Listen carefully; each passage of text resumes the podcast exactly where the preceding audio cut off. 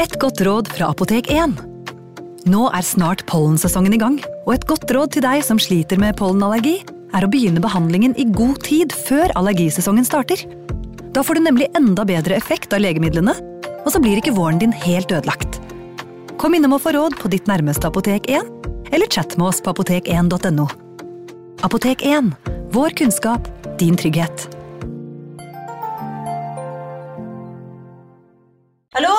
Jeg kommer fra Oslo politikammer.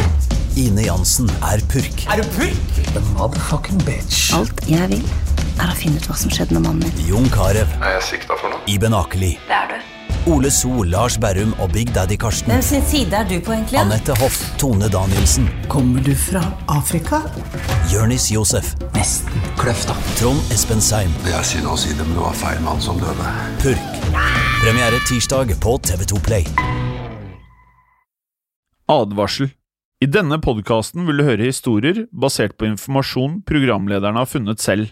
Programlederne står ikke nødvendigvis inne for meninger og syn som fremstilles. Noen påstander kan avvike fra virkeligheten.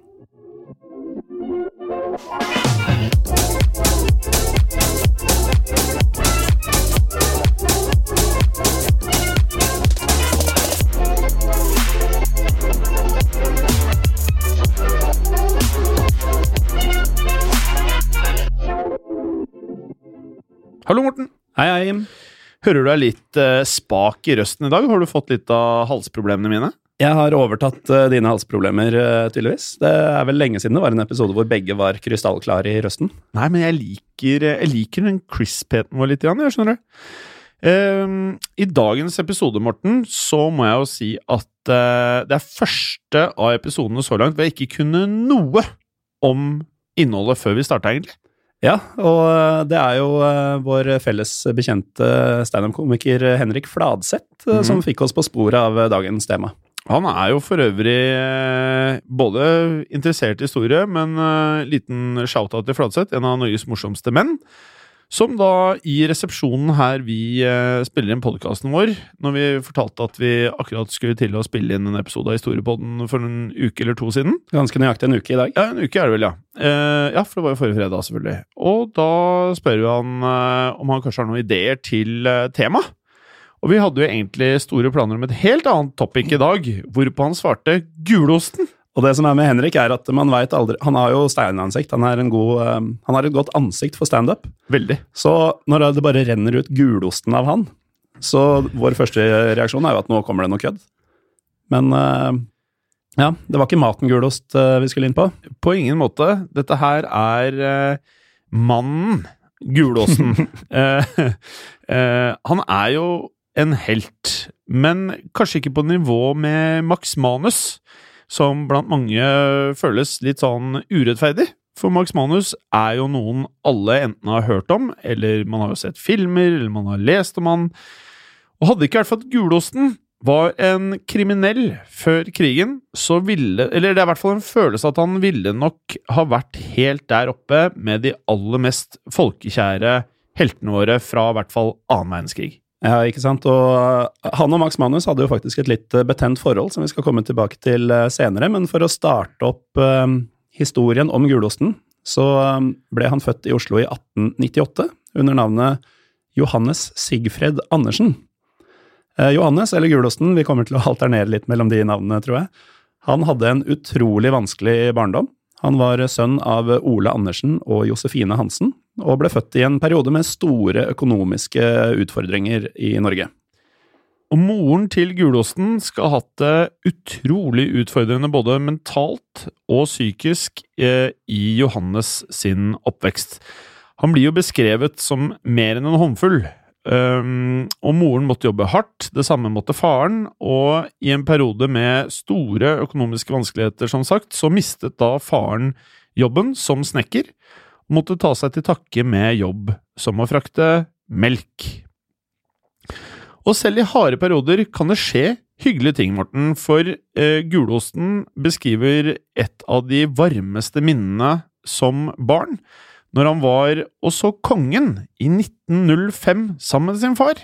Altså rett etter unionsoppløsninga? da Rikt- kong Haakon kom til Oslo. Ja, helt riktig. Eh, og dette skal ha vært et sjeldent hyggelig øyeblikk i en ellers så trist og mørk barndom for Johannes. Kongen var som datidens Ironman og Batman for eh, Johannes Gulosten. Og kongen fikk jo både eh, mye oppmerksomhet, det var flagg i parader, det var musikk, han kom av sin flotte båt i Oslo. Eh, og det han kunne huske, var Soria Moria-slottet og eventyr og assosiasjoner eh, som gulosten dro med seg om kong Haakon i hele perioden. Og Grunnen til at dette er litt viktig, er for at vi kommer til å prate om kong Haakon og gulosten ganske så mye senere i episoden. Det gjør vi, men eh, mest var som nevnt perioden som barn for gulosten preget av tunge og triste øyeblikk. Moren til eh, Johannes skal ikke ha visst eh, annet råd enn å gå med på at gulosten han måtte sendes til forbedringsanstalt og barnehjem, grunnet deres dårlige økonomi, morens helse og generelt trange kår. Og I en alder av ti år så ble han sendt til forbedringsanstalten Toftes gave på Helgøya ved Mjøsa. Gulosten sa selv at dette var morens aller, aller største tabbe i hennes liv. Han mente selv at livet hans aldri ville vært preget av dette nivået av kriminalitet og lysskye hverdag som det faktisk skulle bli etter hvert, om det ikke hadde vært for at han ble sendt nettopp hit. For her møtte han en hard, hard hverdag, og det er lett å tro at det var de andre guttene han mente Men like mye som de andre guttene, så var det han siktet til vaktene og administrasjonen. Året er nå 1908, og det var på ingen måte samme syn på det å stramme opp barn og unge som vi har i dag. Det han opplevde på Toftes gave, skal ikke ha vært noe i nærheten av brutaliteten som skulle forme Gulosten som person, som det han eh, opplevde når han omsider skulle bli sendt til Bastøy. Der um, Han ble etter fire år på Helgøya flyttet til Bastøy, som var enda hardere enn Helgøya. Og Gulåsen selv har omtalt dette som forskolen til Botsfengselet og Akershus fengsel. Så hardt skal dette her ha vært at i 12-13-årsalderen bar han 100 kilos kornsekker. Det er så sykt tungt, det. Eh, og Morten, jeg gjorde faktisk eh, lite eksperiment her eh, etter vi begynte å skrive om Gulåsen. Så når jeg var på gym en sjelden gang, så løftet jeg 100 kilo i vekter. Det er ikke verst for en uh, voksen mann? Nei, det er, det, er, det er, faktisk ganske tungt for en voksen mann.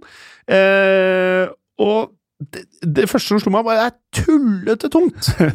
Det er tullete uh, tungt, dette her, og jeg bar det da i fem meter. Eh, en stang med noe vekter på. Og da kan du tenke deg hva slags hverdag en tolvåring eller en 13-åring hadde med at du gjorde dette hele dagen. Det er faktisk ikke til å tro. Uh, og det, det, føles jo vanskelig å forestille seg hvor tøft dette må ha vært, spesielt når du er langt unna hjemme som ung gutt, med minimalt av tilgang på mat. Han sier at han etter lange dager med arbeid kom tilbake til eh, blå gryngrøt kokt på vann. Han pratet mye om at den var blå. Syntes ja. det var ekstra ille. da, tydeligvis. Da jeg vet du hva blå, blå grøt er? Nei, jeg gjør ikke det, men jeg, jeg, har en tendens til at eh, all maten jeg lager, blir brun. Ja. Og, og, og, det er på en måte stygt nok. Men jeg tror ikke i min villeste fantasi jeg kunne fått til å lage mat som ble blå. Nei, det er tydeligvis mye vann, da, kaldt eller et eller annet. Eh, noe gulosten forteller om med stor redsel, er eh, hvordan barna ble behandla, og spesielt de som hvetet sengen om natten, Morten. De hadde det ikke så veldig ålreit. De måtte nemlig ligge på noen grusomme senger av torvstrø. Og i dette torvstrøet så bodde det enorme mengder med annet lopper. Så disse stakkarene som lå i sengene av torvstrø, de ble nesten spist opp om nettene, og de våknet hver eneste morgen med nye sår fra loppene over hele kroppen. Men før det, Morten, det var nemlig her på Bastøy at Johannes fikk kallenavnet sitt. Vet du hvordan han fikk det? Nei, jeg ser liksom ingen grunn til at man skal få kallenavnet Gulosten. Nei. Sånn umiddelbart. Nei, det kan jeg forstå.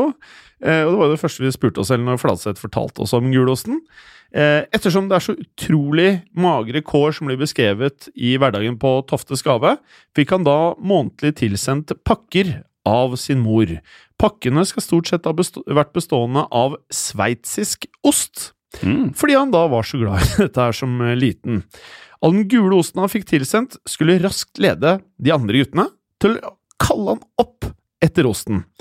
Slik ble de kallenavn for Gulosten, noe han skulle være kjent som for resten av sitt liv. Det er jo ikke det skumleste kallenavnet til en, til en harding som, som Gulosten skulle vise seg å være, men uh, spesielt ikke når vi er vant til navn fra de siste par episodene, og navn som Scarface og lignende. Men Gulosten er faktisk ikke det dårligste tøffing-navnet jeg heller har hørt. Uh, har du sett filmen City of God uh, hjem? Ja, ja, det er jo den om brasilianske gategjenger. Ja, det, det stemmer. Jeg vet ikke om uh, Det er den norske teksteren som har tatt seg friheter. Uh, men der husker jeg at det het ting som Knerten og Gulroten. Ja. Uh, det er ikke fryktinngytende, det heller. Nei, på ingen måte. Da er gulosten helt ok. Ja, altså I gulostens tilfelle, når, når navnet hans blir dratt frem i negativ forstand, så skal han ha forsvart med sitatet En gulost er en helfet sveitser. En pultost skal ha de svarte prikkene. Ja, jeg skjønte aldri helt hva han mente med dette her, Morten, men uh, han mente vel i forsvar at han ikke var slem. Da ville han ikke vært kalt uh, gulosten, men heller pultost, da. Ja, Det er litt vanskelig å tolke det, det sitatet, men uh, uansett så ble barna på Bastøy mer eller mindre overlatt til seg selv, og de skal ha blitt kraftig misbrukt. Et tilfelle som uh, Gulosten beskriver som helt, helt, helt spesielt, var når en av guttene hadde gjort noe gærent. Det var 25 minusgrader på Bastøy. Gutten ble da som straff satt på gangen helt naken, og der måtte han være en hel natt. Dette resulterte i at gutten fikk lungebetennelse, og senere døde på grunn av dette her. Og det her beskriver Gulosten som fæle fæle greier og vonde opplevelser. Gulosten sier at det var spesielt tøft for han at eh, det aldri var noen trøst å få. Eh, det var aldri noen nærhet eller noen å prate med på Bastøy. Eh, altså, det skal ha vært iskaldt både temperaturmessig, men også miljøet skal ha vært, vært veldig, veldig kjipt. Så skjer det, da, at midt oppi dette vanskelige livet han hadde, at det kommer en stor personlig tragedie som oppstår når uh, moren dør. Ja, hun ble begravet uh, uten at gulosten fikk vite om det. Uh, og han reagerer selvfølgelig voldsomt. Han raserer bestyrerens kontor på Bastøy, uh, noe som førte til at han skulle straffes. Han ble satt i en mørk kjeller, nærmest som en celle, og der skulle han være til han lærte å oppføre seg. Men Gulosen lærte ikke å oppføre seg av, av dette, han var faktisk villig til å dø. Og han eh, bestemte seg for å sultestreike, noe han gjorde i en uke, helt til de slapp han. Og jo mer vi har lest om uh, akkurat det der med Bastøy, så begynner vi å lukte at dette er en egen episode, faktisk. Det, Bastøyen, altså. Det lukter det.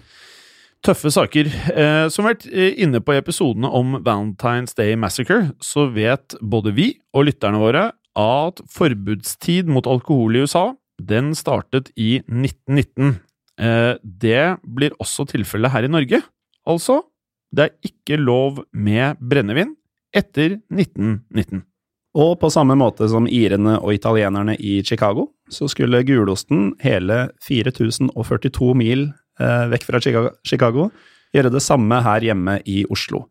Han eh, ble en beryktet spritsmugler i Oslofjorden. Gulosten omtalte det selv på følgende måte. Da var det moro! Da var det jo penger å tjene. Jeg husker jeg betalte syv kroner kanna for ti liter sprit. Vi fikk igjen 130-140 for dem da vi kom hit. Ja, det var business. Det var fin business. Jeg skjønner jo det. Det er jo 20 ganger uh, innsatsen. Helt ok. Ja, det er god avanse, som man sier. Uh, og når man hører intervjuer av han som er gjort på radio, blant annet, så, så virker han som en ekstremt rolig type. Ekstremt rolig. Og måten han omtaler det kriminelle han har holdt på med, så føles det som en, eh, en person som prater om jobben sin. Eh, ikke om noe lyssky virksomhet. Det, det, det, er en varme når han eh, snakker om det kriminelle håndverket. Nesten liksom. som at det er stolthet i det. Det er mye stolthet. Det er en interessant type fra A til Å. Måten de da smuglet på, var enkel. De kjørte båt, de, ut til Færder fyr. Eh, der lastet de over spritkanner og tilbake kjørte de båten til eh, Oslofjorden og solgte det videre. Men det var visstnok ikke bare sprit som eh, gulosten smugla. Nei, for i 1924 så hadde gulosten vært i Tyskland.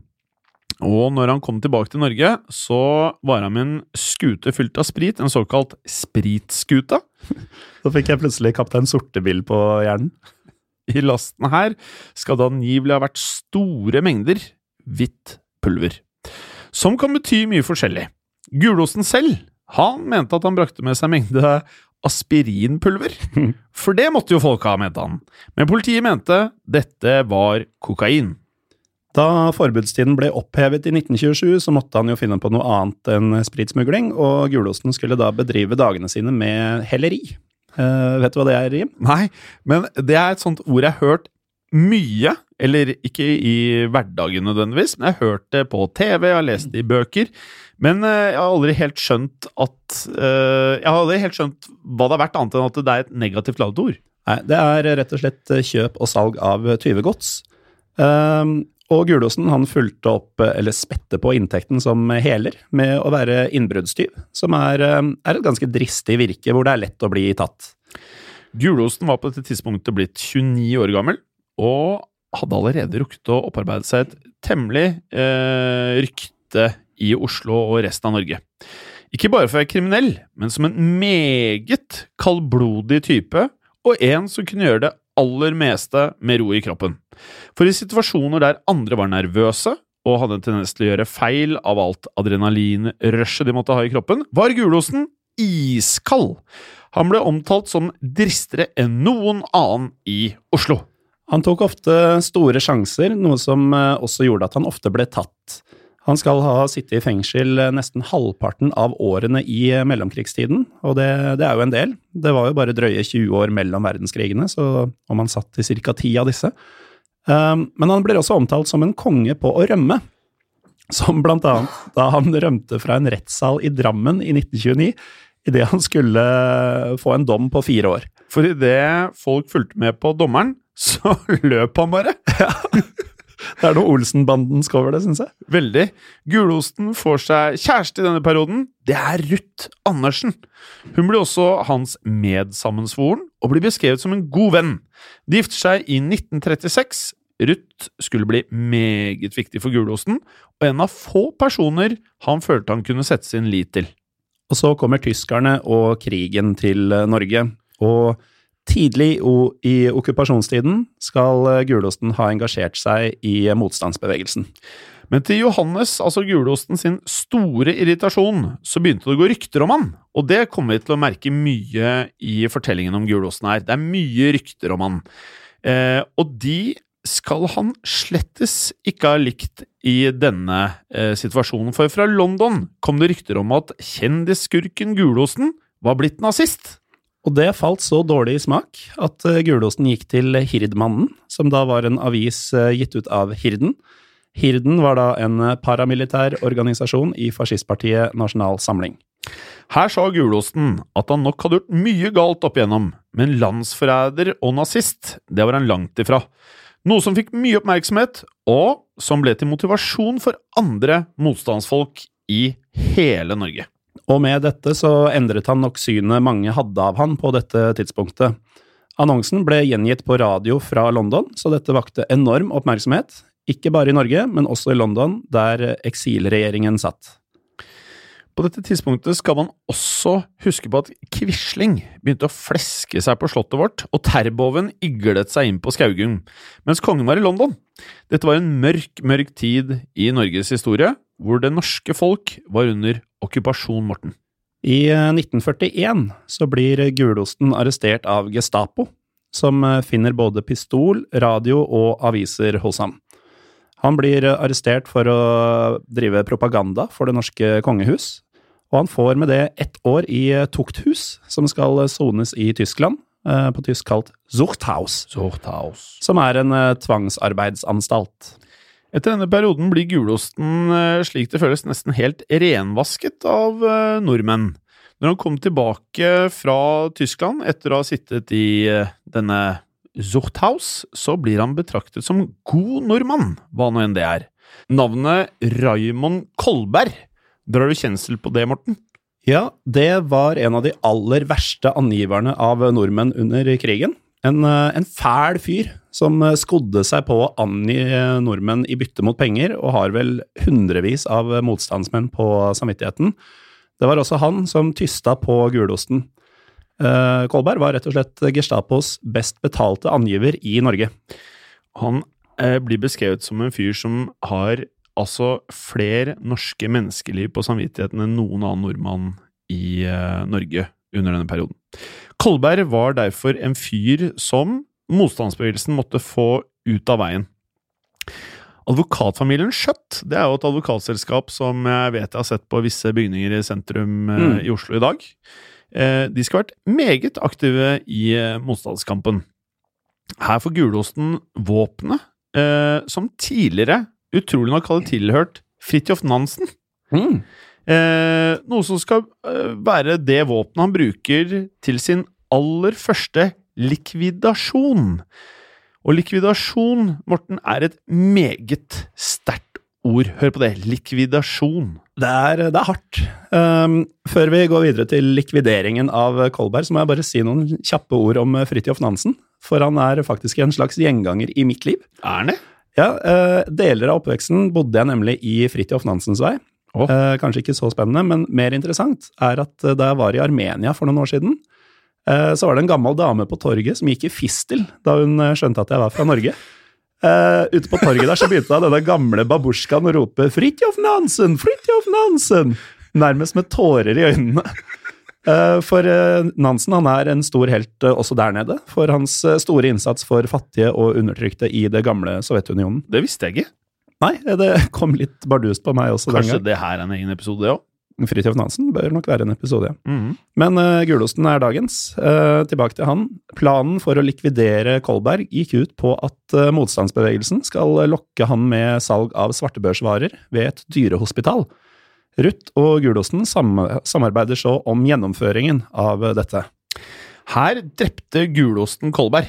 De kastet han så i Akerselva, men med lav rutine på drap, eh, så langt i karrieren altså, så hadde ikke Gulosen eh, stukket hull i magen på Kolberg, litt sånn som jeg vant med fra mafiafilmer og den type ting. Og han ble også anbefalt senere å trekke ut tennene på folk. Det var visstnok effektivt for å få eh, mye eh, tyngde inn i kroppen, da. Mm. Det betyr at når du ikke får nok vann i kroppen, eller i liket, så popper likene opp. Og det gjorde også liket til Kolberg. Det dukket opp ved Hovedøya. Det betyr at motstandsbevegelsens aller første likvidasjon under okkupasjonstiden nå er gjennomført, og det er det gulosten som har gjort. I april 1942 ble gulosten sendt til London, for nå var gulosten aller, aller øverst på Gestapos mest ettersøkte nordmenn. Da gulosten kom til London, så ble han en del av Kompani Linge, som igjen var en del av avdelingen SOE. Uh, SOE det sto for Special Operations Executive og var en britisk hemmelig militærenhet. Uh, nesten som et slags krigsspesifikt uh, britisk eh, CIA. Eh, og deres formål det var å undergrave og sabotere tysk virksomhet i landene tyskerne okkuperte. Så det betyr at Kompani Linge det var da den norske grenen av SOI, og så hadde de lignende i Nederland, i Hellas og flere tyskokkuperte land. Um, det ble raskt åpenbart for eh, gulosten at eh, han står høyt i kurs i militæret. Hans egenskaper er gull verdt for dem, så den kriminelle gulosten var nå plutselig en av Kompani Linges viktigste menn. Og akkurat navnet, eller kallenavnet Gulosten, akkurat hvor sterkt dette sto eh, i denne perioden, er lett å forstå når folk i Linge ikke før etter krigen fikk vite hva hans egentlige navn var. Alle tenkte bare på han som Gulosten. Eh, han blir opplært i nærkamp og drap, og han skulle bli meget god på disse tingene. Kanskje en av de beste vi hadde under krigen. Det som slår meg med dette med at folk bare kjente som Gulosten, det betyr jo at han selv må ha introdusert seg som det. det er ikke sånn at han bare blir introdusert av andre, man tar jo folk i hendene og sier Ja. navnet sitt. Gulosten. Alla, Gulosten. Til tjeneste. Han, ja. Gulosten, eh, som han tydeligvis het, ble satt inn i Operasjon Bittern.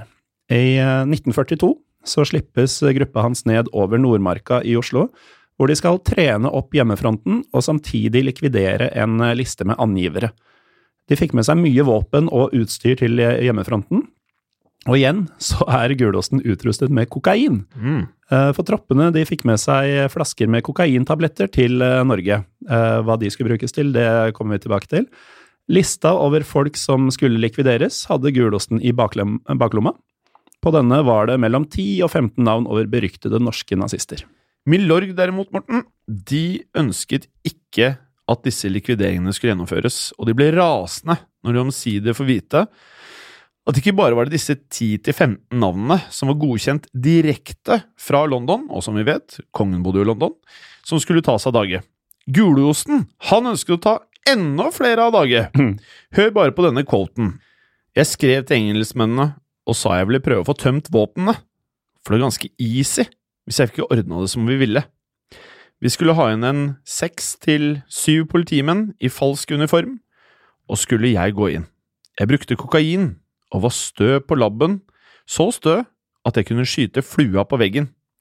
Jeg brukte kokain under de verste jobbene, for nervene ble så stødige av kokainen. Jeg hadde regna ut alt, vi skulle greie det helt fint. Det kribla i meg, det hadde gått veldig fint, vi hadde spart mange liv hadde vi gjort dette.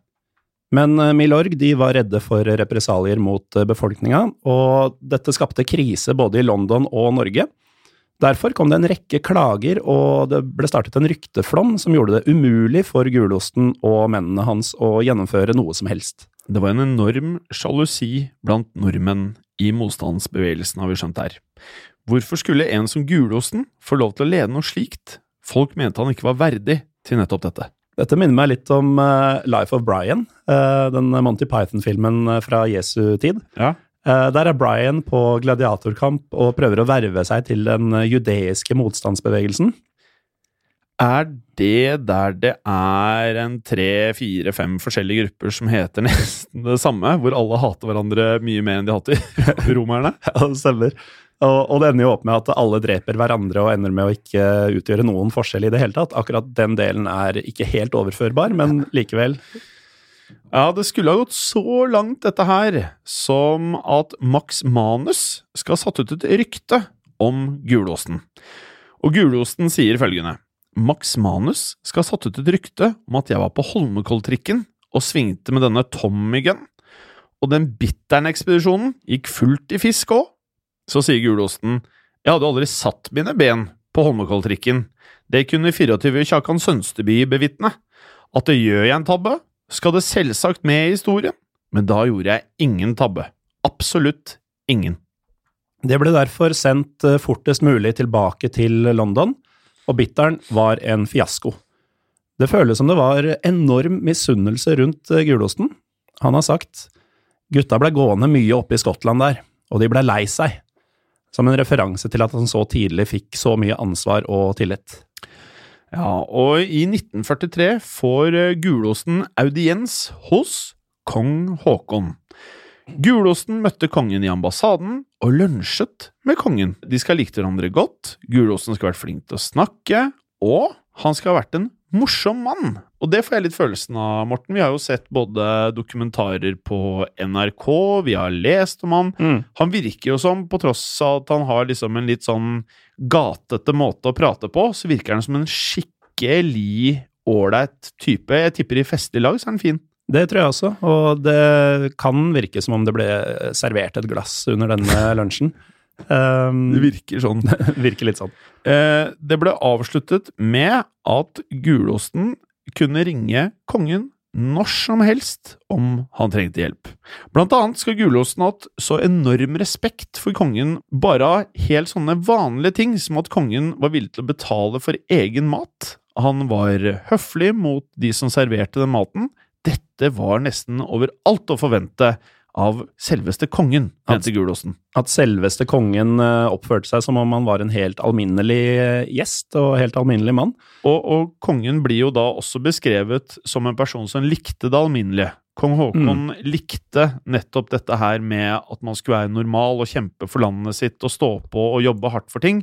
Derfor så tror jeg at det var litt av det som gjorde at disse to resonnerte såpass godt. Han hadde jo en genuin interesse, kong Haakon, for uh, grupper som han ikke visste noe særlig om, som for eksempel arbeiderbevegelsen og folk på, på gulvet. da. Mm. Uh, så han satte nok stor pris på å bli kjent med en type som, som Gulosten.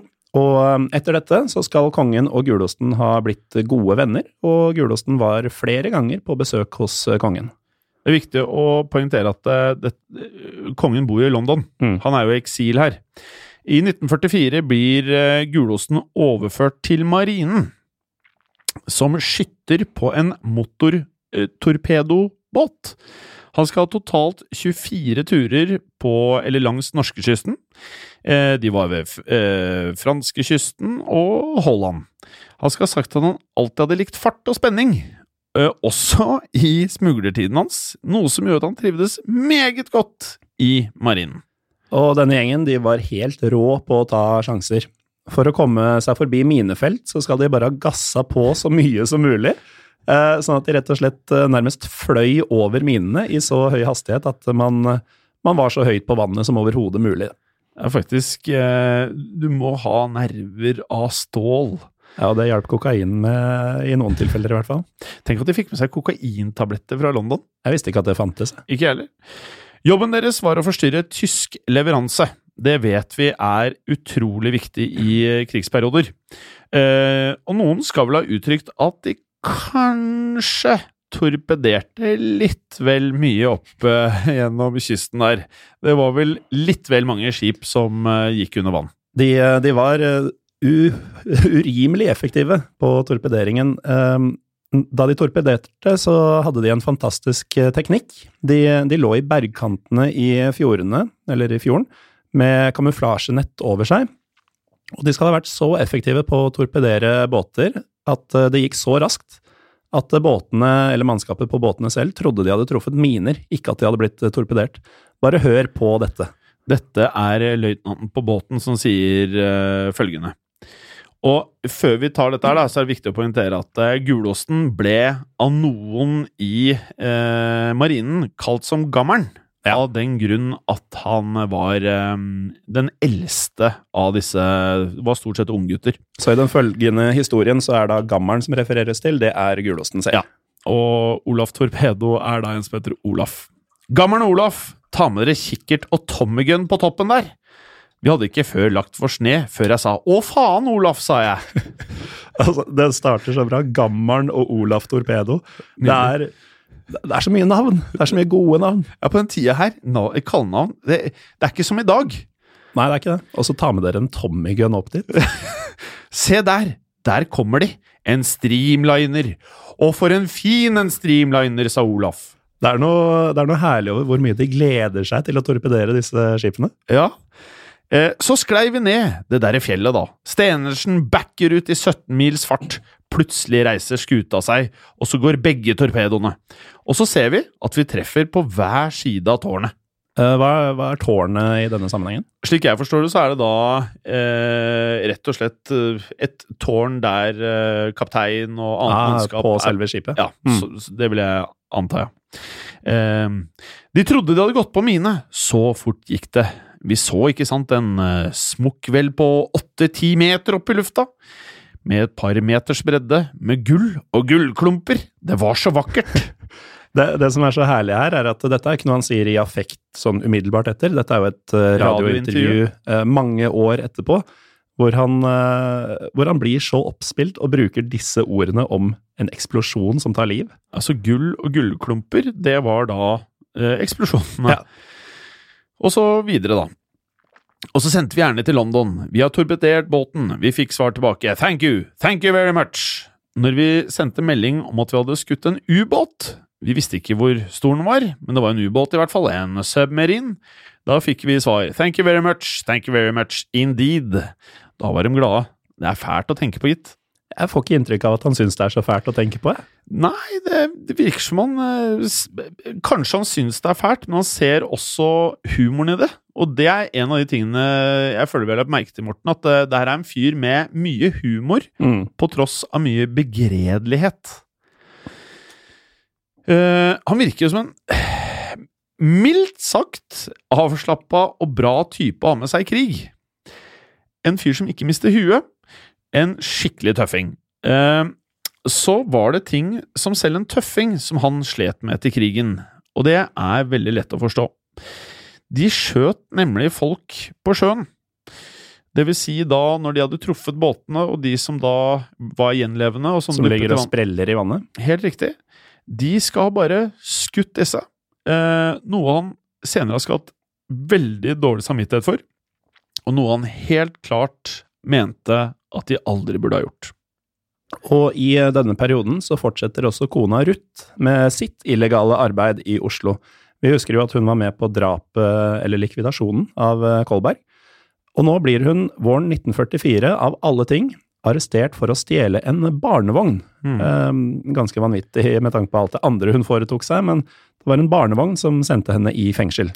Ja, det i seg selv er eh, meget eh, spesielt. Eh, når hun først er i fengsel, så klarer hun jo ganske utrolig å fortelle en medfange om likvidasjonen, likvidasjonen av Kolberg. Denne personen hun pratet med, var da en angiver, og hun blir selvfølgelig da arrestert av Gestapo, og så havner hun da på Grini. Og på Grini blir hun eh, torturert under avhør og tilstår medvirkning til drapet på Kolberg. Eh, som følge derav så blir hun da drept av tyskerne. Når gulosten kommer tilbake til Norge i 1945, så visste ikke gulosten at eh, Ruth både hadde blitt torturert og drept mens han var på båt. Dette var jo selvfølgelig utrolig sårt for eh, Johannes, eh, ettersom han i alle år under krigen hadde gledet seg til å komme hjem til Ruth. Så finner han da ut at hun hadde blitt funnet på Trandum. Etter kapitulasjonen fortsatte gulosten i marinen, og 3. juli 1945 kom båten hans til Vadheim. Der var det en brakke og fangeleir med kapitulerte tyskere, og denne kvelden så blir gulosten og flere fra båten hans over, og de ender skikkelig på fylla. Og idet gulosten er på jakt etter mer sprit og drikke, så går han på et av rommene der det er to tyske fanger. Han spør etter sprit, og angivelig, ifølge gulosten, så svarer de to tyskerne på en måte som han ikke likte at de svarte på. Han ble provosert, og gulosten ender med å skyte og drepe begge to. Det blir så reist eh, sak mot han. Han skal tiltales, selv om de fleste ikke ønsker å gjøre det. Eh, man snakker tross alt om en eh, nasjonal helt som er Dette har jo blitt gjort i stor affekt, i og med at han er lei seg for at kona er gått bort, og han er drita full. Men de har liksom ikke noe valg, i og med brutaliteten i handlingen. Men så går tiden, og det, og det skjer ingenting. Eh, og det hele fremstilles som en eh, saksbehandlingsglipp, noe mange syns var eh, merkelig. Det spekuleres derfor i at det var av manges interesse at Gulosen ikke skulle plapre. Forsvareren hans, Reidar Skau, skriver et brev til kongen. Der står det at det ville skape bitterhet om Gulosen har blitt frarøvet muligheten til å leve et normalt liv etter alt han hadde ofret for Norge. Så det blir aldri noen eh, rettssak. I stedet blir det påtaleunnlatelse etter kongelig resolusjon. Gulosten mente selv det var kongen som sto bak at han ikke ble dømt. Riktig. Og eh, etter krigen så eh, ønsker da gulosten å få et normalt liv. Han ønsker å starte på nytt med en trelastfabrikk. Han søker derfor lån fra kongen. Og dette her må det jo legges til er en periode hvor det er nesten umulig å få lån i Norge. Det var rimelig trangt økonomisk i landet. Han bygde på denne måten opp eh, hus, han fikk kjøpt maskiner, og eh, hva skal man si, han, han fikk til ting som andre ikke hadde fått muligheten til, hadde ikke vært for hans bekjentskap med kong Haakon. Han kjøpte så materialer fra tyske leirer, eh, og for å kunne gjøre det, så trengte han tillatelser alle syntes at det var litt vel rart at disse tillatelsene kom såpass enkelt, for andre fikk dem ikke. Han skal ha sagt at det var kongen som ga han lån på hele 53 000 kroner, en eh, formue på denne tiden. Og han eh, får i årene som kommer oppdrag fra kongehuset, blant annet om å bygge bokhyller og, og diverse. Og Gulosten og kongen er eh, venner helt frem til kongens død i 1957. Mm. Og som 72-åring blir eh, Gulosten syk. Han blir innlagt på sykehus. Og han får beskjed om at han er meget syk, og at dette kan være hans siste dager. Og hva gjør jo da en som blir betegnet som en av de beste på å rømme i landet, Morten? Tipper han ikke gikk med på å dø på sykehuset, i hvert fall. Det stemmer. Han rømte derfor fra sykehuset. Hm. Han brettet sammen masse laken, og lagde da et slags improvisert rep som han eh, kasta ut av eh, vinduet. Og ned klatra han som en døende 72-åring. Ned fra eh, annen etasje, tror jeg det var, fra sykehuset. Og gikk hjem for å dø i sitt eget hjem. Og med dette, eh, Morten, så prater vi jo om, eh, syns jeg, da, en uh, motstandsmann i norgeshistorien som har fått uh, altfor lite oppmerksomhet, uh, føles det som. Dette bringer oss til Tidsmaskin.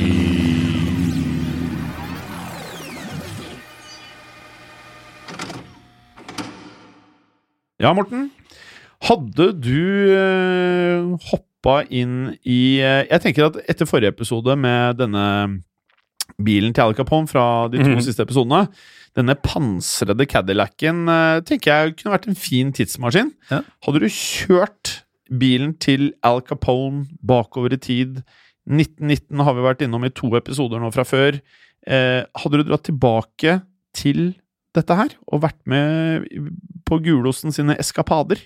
Det er jo litt pussig, fordi eh, vi har jo i løpet av denne sesongen forelska oss litt i det eh, for oss glade, eh, for de som var der, ikke spesielt hyggelige 20-tallet. Og også en del av denne historien handler jo om de årene som vi var inne på med forbudstid og spritsmugling og Tommy Guns. Det er mange likheter. Og så er det jo også Viktor Lustig som solgte Eiffeltårnet. Han holdt jo også på på denne tiden. Ja.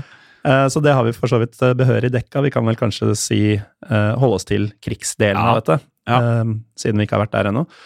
Jeg har alltid tenkt siden barndommen at eh, det var så mørkt og skummelt og fattig og farlig og alt var gærent, at eh, jeg har alltid tenkt at jeg er glad for at eh, jeg ikke levde på den tiden. Men eh, når man hører disse eh, menneskelige fortellingene fra den tiden, så, så begynner jeg å tenke litt over det. Jeg, jeg har ikke helt landa ennå på ja eller nei. Hva tenker du, Jim? Gulosten drepte Kolberg, eh, som var en storangiver. Eh, vet du hva Gulosten kalte han for? Nei. Angro angiver. Gestapos best betalte, sa han. Og med det så er det sånn at det gikk butikk i å angi mennesker. Tenk deg det. Mm. Å fortelle fienden om hvem som har gjort hva, og hvem som hadde planlagt det andre. Som egentlig det du gjorde, var at du både saboterte for landet ditt, som skulle prøve å ødelegge for fienden som hadde okkupert landet ditt, men i tillegg så fikk du dem drept. Ja. Det er liksom det mest usle av det usle. Og når jeg hører disse tingene, så blir jeg veldig engasjert. Jeg merker liksom at eh, jeg får lyst til å bidra. Ja, så engasjert at du ville reise tilbake i Al Capone-bilen med litt Elon Musk-tweaks eh, for å ta angivere, rett og slett? Ja, samtidig så føler jeg at det er veldig lett å si det, men jeg måtte hatt en garanti for at jeg ikke kunne dø. det er det jeg måtte ha. Hadde man hatt det, så hadde man jo sagt ja til alle tidsmaskinene, vel? Ja, ja, ja ok, så det ødelegger kanskje litt premisset. eh, hadde jeg dratt tilbake for å oppleve det? Nei, jeg hadde ikke dratt tilbake for å oppleve det, rett og slett fordi jeg tror sannsynligheten for å dø var meget høy, og jeg vil ikke dø. Mm. Eh, men det er ganske close at eh, jeg føler det der at det har vært deilig å kunne bidra til landet, men det høres ut som en forferdelig tid, og noe av det mørkeste i norsk eh, historie. Og så, for å bygge opp under ditt nei, så tror jeg jeg også heller mot nei, fordi eh, jeg må være så ærlig å si at jeg tror ikke jeg hadde havna i noen motstandskamp. Nei. Jeg tror jeg hadde blitt værende ute på landet der mine besteforeldre bodde, og bare Ja. holdt en så lav profil som mulig. Bare prøvd å holde meg i live, og passe min egen sak, og håpe at det gikk over. Og du er det. Ja, ja, så Man vet jo aldri, men eh, det var Så jo lenge du ikke hadde blitt noen Kolberg, så er det greit. det, det er jeg ganske sikker på. Ja. Akkurat det vet man noen ganger. Men jeg merker at nå som vi har eh, tatt en norsk historie, det føles eh, når vi har jobba med det, føles veldig nært på en eller annen måte. Ja, og det er jo litt uh, derfor vi Vi har jo diskutert det å ha med den norske siden av andre verdenskrig tidligere, og så har vi konkludert tidligere med at uh, det er litt for close to home. Mm. At vi har hatt litt ærefrykt rundt det. eh, at vi må være veldig forsiktige med å få historien riktig, at man ikke støter noen osv. Mhm. Men eh, ja, eh, akkurat i arbeidet med gulosten så eh, har det slått meg at det skal vi ikke være redde for. Nei. Dette er så spennende, Ja. og det angår så mange av oss. Uh, muligens sitter noen etterkommere av gulosten og hører på dette nå. Mm. Uh, og det er jo noe vi ikke har vært i nærheten av på noen av de andre episodene. Nei. Så ja, det er close to home, og det er litt ubehagelig, men samtidig så er det jo enda mer personlig også for oss. Med mindre Al Capone tilfeldigvis møtte en norsk dame i Chicago som uh, fikk barn, som flytta til Norge, eller et eller annet sånt som begynte å høre på historiepodden. Det kan godt hende. Det kan godt være. Dere som, uh, om dere er avkom fra Al Capone eller ikke, uh, som hører på dette her, vi vil gjerne at dere liker Facebook-siden vår, i Ja. Historiepodden Norge. Fordi du ligger litt etter meg, du. Jeg styrer som sagt Instagrammen. Vi er på 849 følgere.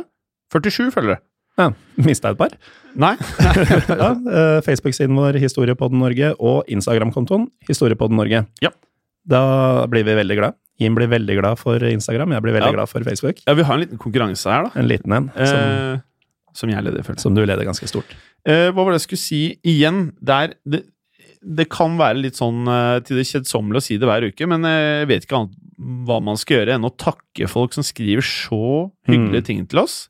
Eh, og gulosten eh, Vi ga jo Fladseth all kreden for at vi oppdaget gulosten, men jeg gikk tilbake på DM-en vår eh, på Instagram, og der fant jeg faktisk to stykker som anbefalte gulosten eh, der også. Så, her. Ja, så kreds til dere, og takk for gode innspill, og fortsett med det! Ja, vi har fått, eh, også på Facebook får vi masse gode innspill til eh, temaer som vi forhåpentligvis kan se på i fremtiden. Ja, mer om det, og gjerne mer om norske historier også. Mm. Og gjerne kanskje eh, Vi må jo begynne å se på litt andre epoker også i historien. Og gjerne historier om kvinner ønsker vi veldig gjerne. Og fortsett, for det er veldig viktig for oss og for podkasten, rate oss på iTunes. Gjerne fem stjerner. Gjerne det. Og hvis du fortsatt henger med, så er en femmer eh, en naturlig ting å gi, tenker jeg. Jeg håper det. Jeg håper det. Jeg håper det. Men du, Jim, Ja, det har skjedd. og det kan skje igjen.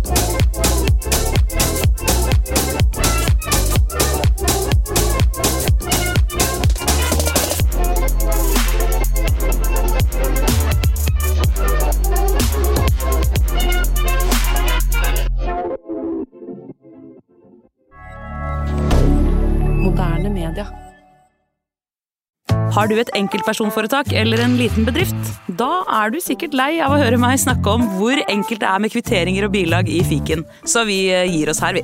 Fordi vi liker enkelt. Fiken superenkelt regnskap.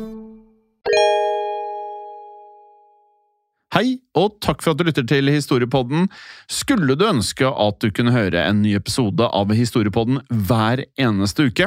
Vel, da er det én ting å gjøre. Da kan du laste ned podkastappen Untold med det samme. For i tillegg til ukentlige episoder av podkaster som Historiepodden andre verdenskrig, Henrettelsespodden og også Gangsterpodden, så får du masse annet reklamefritt og også eksklusivt innhold. Last ned Untold i AppStore eller Google Play og start din 30 dagers gratis prøveperiode allerede i dag.